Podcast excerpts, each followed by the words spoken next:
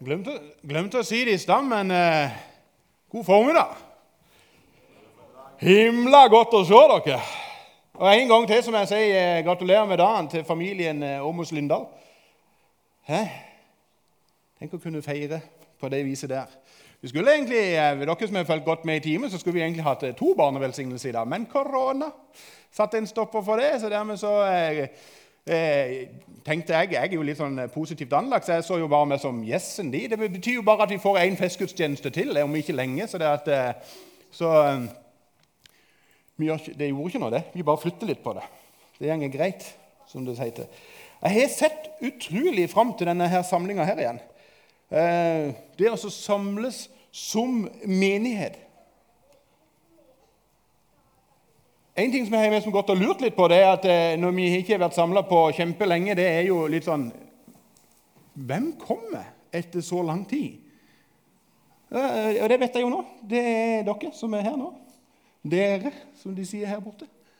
Eh, og så hadde vi en fantastisk helg sammen med nesten 120 stykken som var nede til Vegertun. Vegarsei. Forrige helg der hadde vi det veldig, veldig kjekt. Eh, det at, vi, det, det at, vi, samles akkurat sånn som vi gjør nå Jeg vet ikke om du tenker på det, men egentlig så er det faktisk helt unikt. Altså det, det, det, er faktisk sant, det som vi sang i en gammel salme tidligere. Altså Det ble skrevet en salme under andre verdenskrig altså av en som hadde sittet en stund i tysk fangenskap i starten av andre verdenskrig. og Litt etter han kom ut av fangenskap, så skrev han en salme der første linja gjenger som dette Guds menighet. Jeg er litt ute av treninga dette. her. Jeg har allerede glemt noe.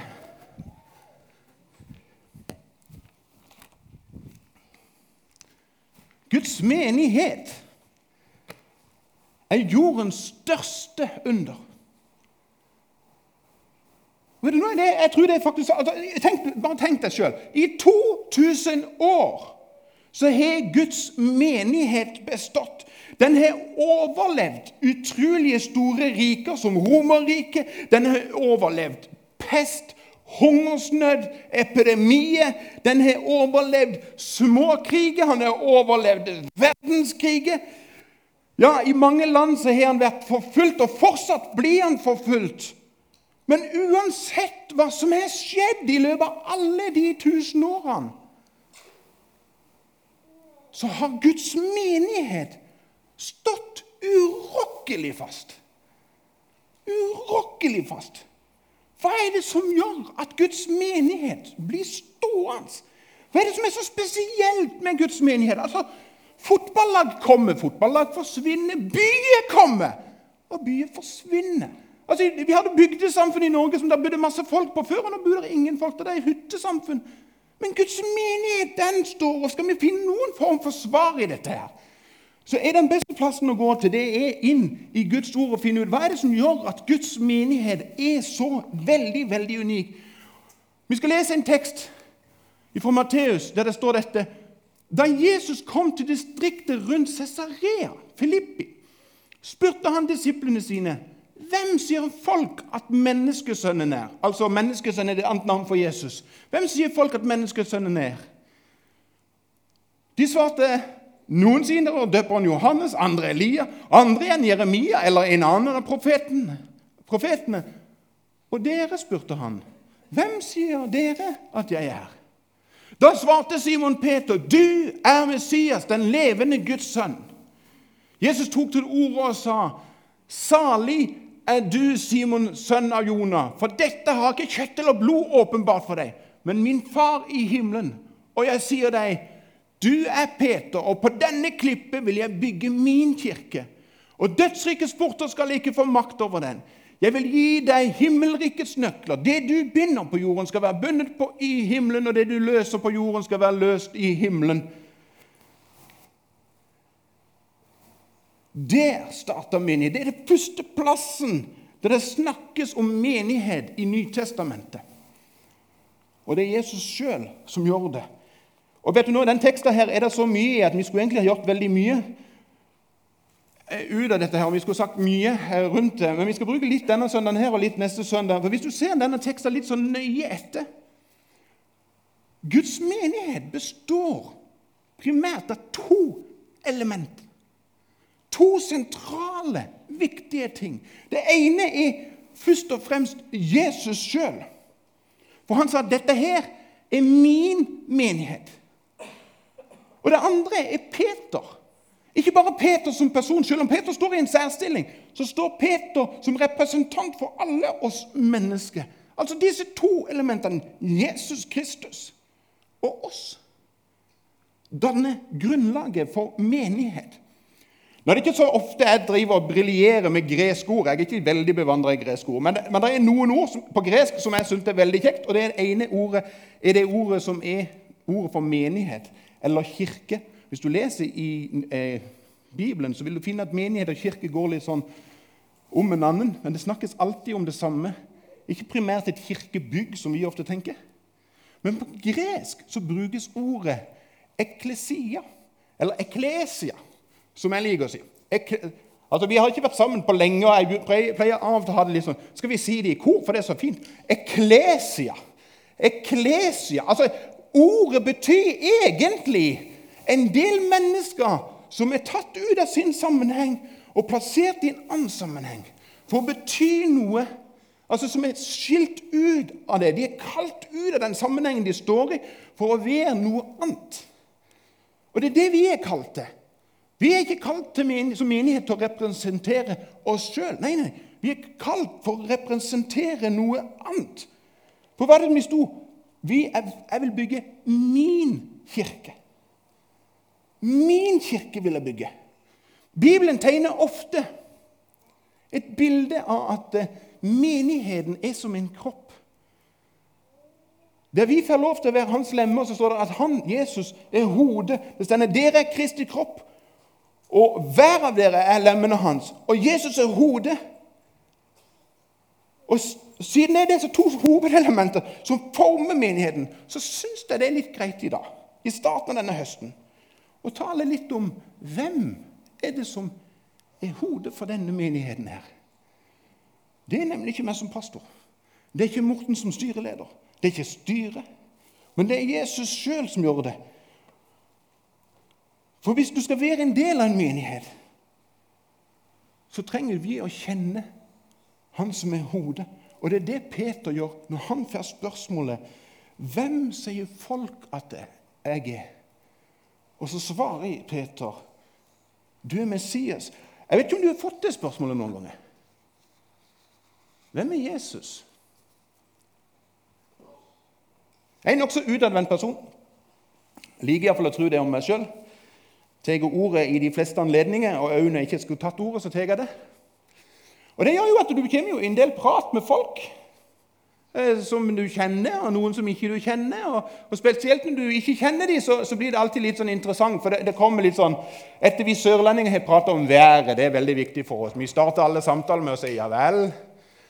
Og så prater vi om at det er fint vær i dag. Og så vi prater ferdig om det, så kommer det jo litt sånn Ja, hva driver du med?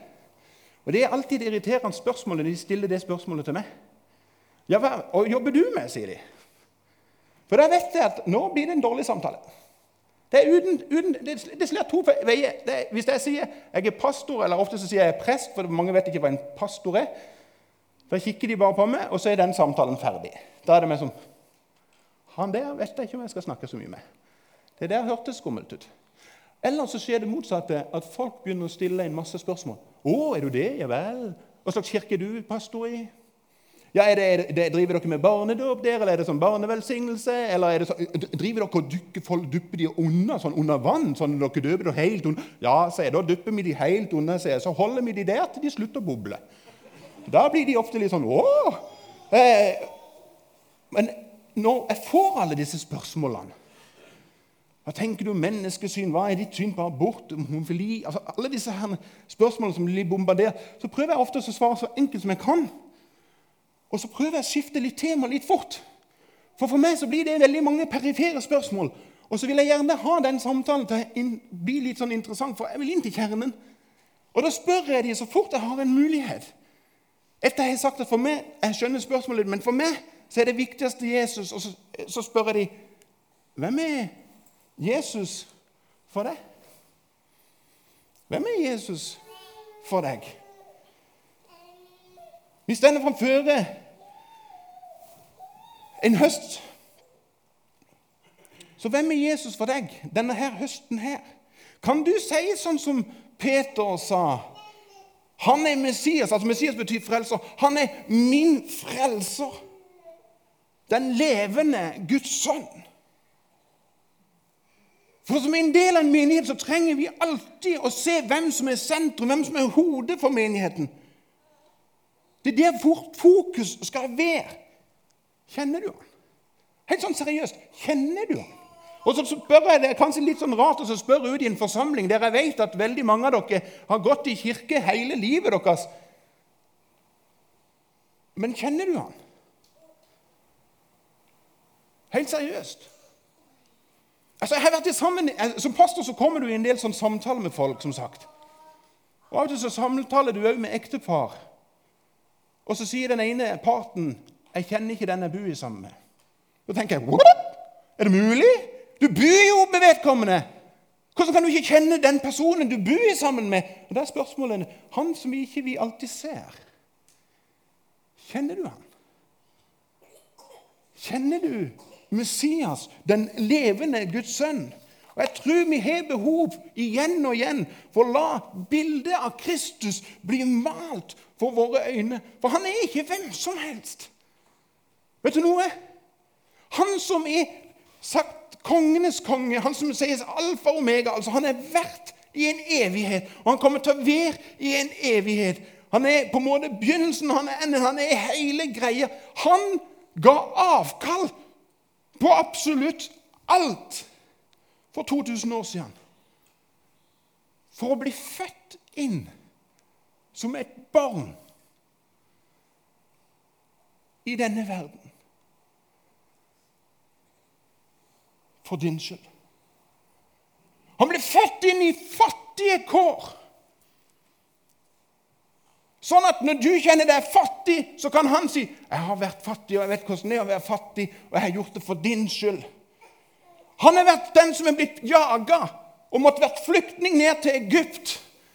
Sånn at når det står en flyktning i dag, så kan han si 'Jeg har vært en flyktning. Jeg vet hvordan det er å være flyktning. Jeg vet hvordan det er å være forfulgt, for jeg har sjøl blitt forfulgt. Han er den som har gått her på jord. Det er aldri noen diskusjon. Du kan ta en hvilken som helst historikerskriver. Alle vil si at Jesus Kristus har vandra her på jord. Det er ingen som diskuterer det. Og Han har gått her og undervist i over tre år om sitt liv og sitt lære. Hvorfor? For din skyld. For min skyld. Han har vært den som har vært villig til å ofre alt for at du og jeg skal få lov til å ha et samfunn med Altså, Det har kosta han så mye at det står i Bibelen at han er en dag i en hage som heter Getsemane, der han kjenner at det, denne kampen som han er blitt satt til å stå i, den begynner å koste han dyrt. Han vet ikke engang om han klarer å tenke seg det. Og det står, Han er så full av angst at svetten renner som blod. Fordi han vet hva som kommer av død og fordervelse. Og så ber han en inderlig bønn. Himmelske Far, la meg slippe. La meg slippe dette. Altså, Tenk deg dette her. Altså, jeg vet ikke om du klarer å se det før dere, men han har gitt avkall på en himmel. Han visste hva han gikk til. Og når han står så nærme det han egentlig skal, så spør han kan jeg få lov til å slippe likevel. Er det mulig å slippe? Og så legger han heldigvis til en liten bønn, men ikke som jeg vil. Bare som du vil. Hvorfor? Fordi han elsker deg. Han er den som ble tatt til fange, sånn at hver eneste en som er fange, enten fysisk eller psykisk, kan han stille seg på sida si 'Jeg vet hva det vil si å være fanga'. Han er blitt slått, piska, spytta på. Hvem av oss har ikke i en eller annen livssituasjon kjent oss at vi har blitt slått? Kanskje ikke fysisk, men livet har slått oss ganske hardt. Og så stiller han seg på sida og sier, 'Jeg har vært der.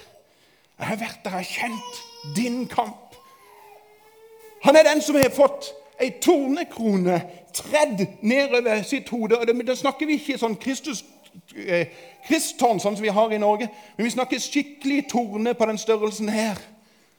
Tredd inn sånn at blod renner. Altså, gutter, vi har stått med høvelen på badet og så barbert oss. Og vi vet at når vi får et bitte lite snitt, så blør det jo som hakka møkk. Nei, Det sier vi forresten ikke på talerstolen. Eh, men det, det blør godt. Eh, bare tenk når du får denne tredd ned over hodet,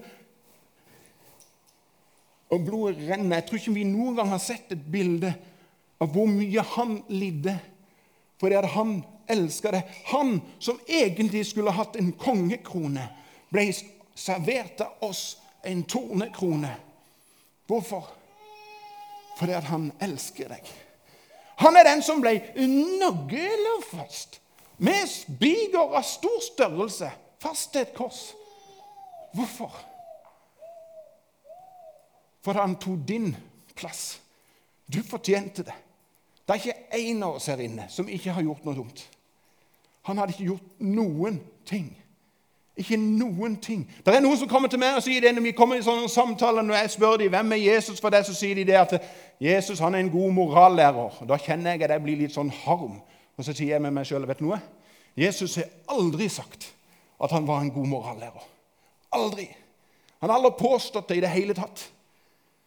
Han sa om seg sjøl Når Pilatus sto foran ham, så sa han sjøl at 'jeg er kongenes konge'. Jeg er Jesus Kristus Messias. Det var det de tok han på. Det var derfor fariseerne ikke kunne fordra han. Det var derfor de ville ha han korsfesta. Han, var han ble aldri korsfesta fordi han kom med en god lære. Nei, Han ble korsfesta fordi han sa 'jeg er Guds sønn'. Helt ufeilbar, uten synd, men jeg tar på meg din synd. Og der på korset så er det han sier vet du noe? Nå er alt ferdig. Og så roper han ut. Det er fullbrakt. Det er ferdig. Det er ferdig for deg. Og det er ferdig for meg. Kjenner du han som er hodet for denne menigheten? Som ikke bare nok med at han døde for det, men han triumferte over døden. Han Altså, Det er ikke noe som kan holde han igjen. Og vet du noe? Fortsatt så står han med en overøsende kjærlighet til oss som gjør at hver eneste dag, 24-7, så går han i forbønn for oss med bønn som er langt utover det vi kan fatte. Han leder dere hver dag med sin ånd.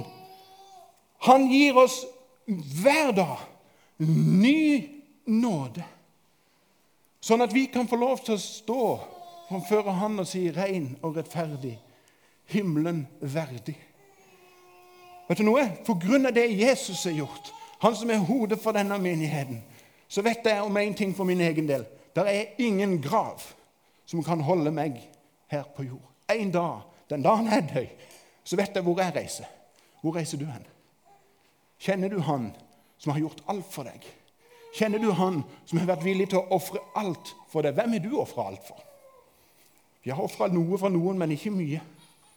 Vi har det himlende godt i dette landet, men vi har én som har sagt 'Jeg har gjort alt for deg'. Jeg håper du kjenner han.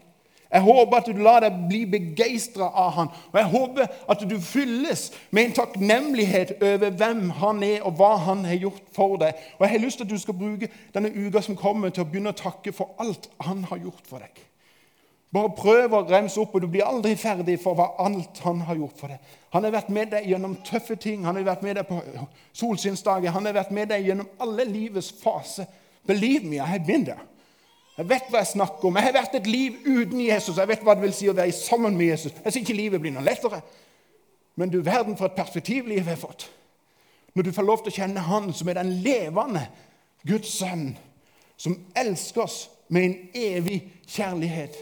Hvem er Jesus for deg? Hvem er Jesus for deg?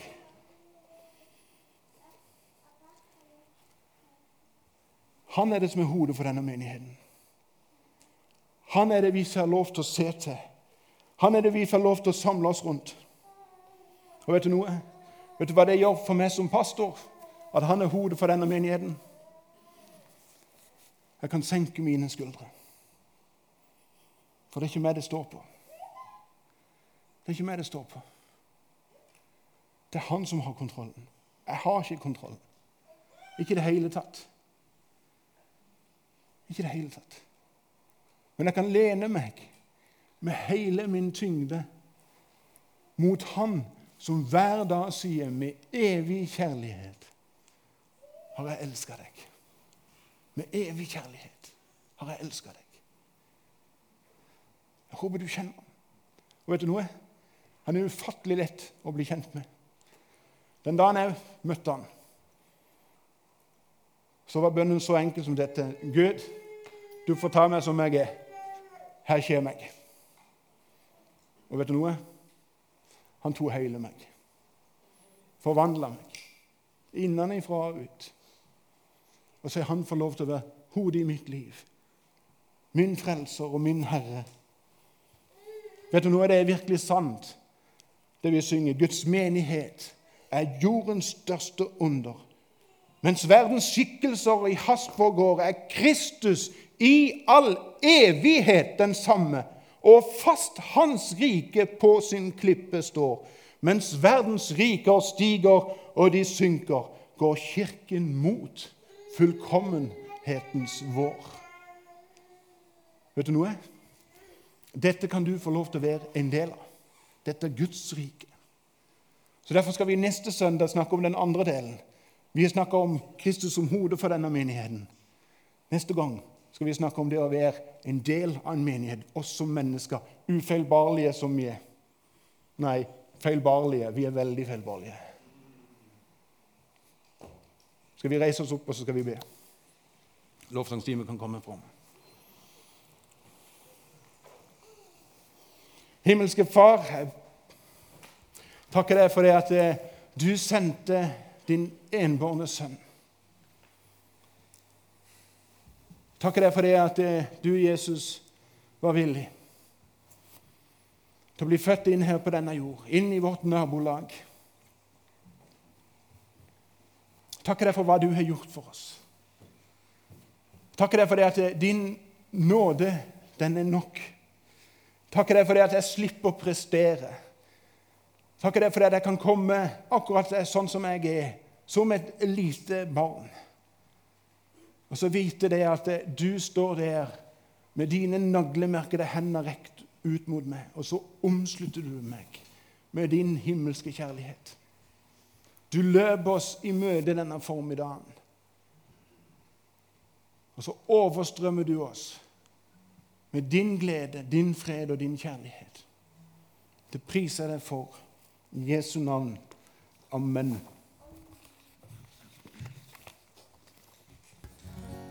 Da kan dere få bli stående, dere som har lyst. Skal vi synge en siste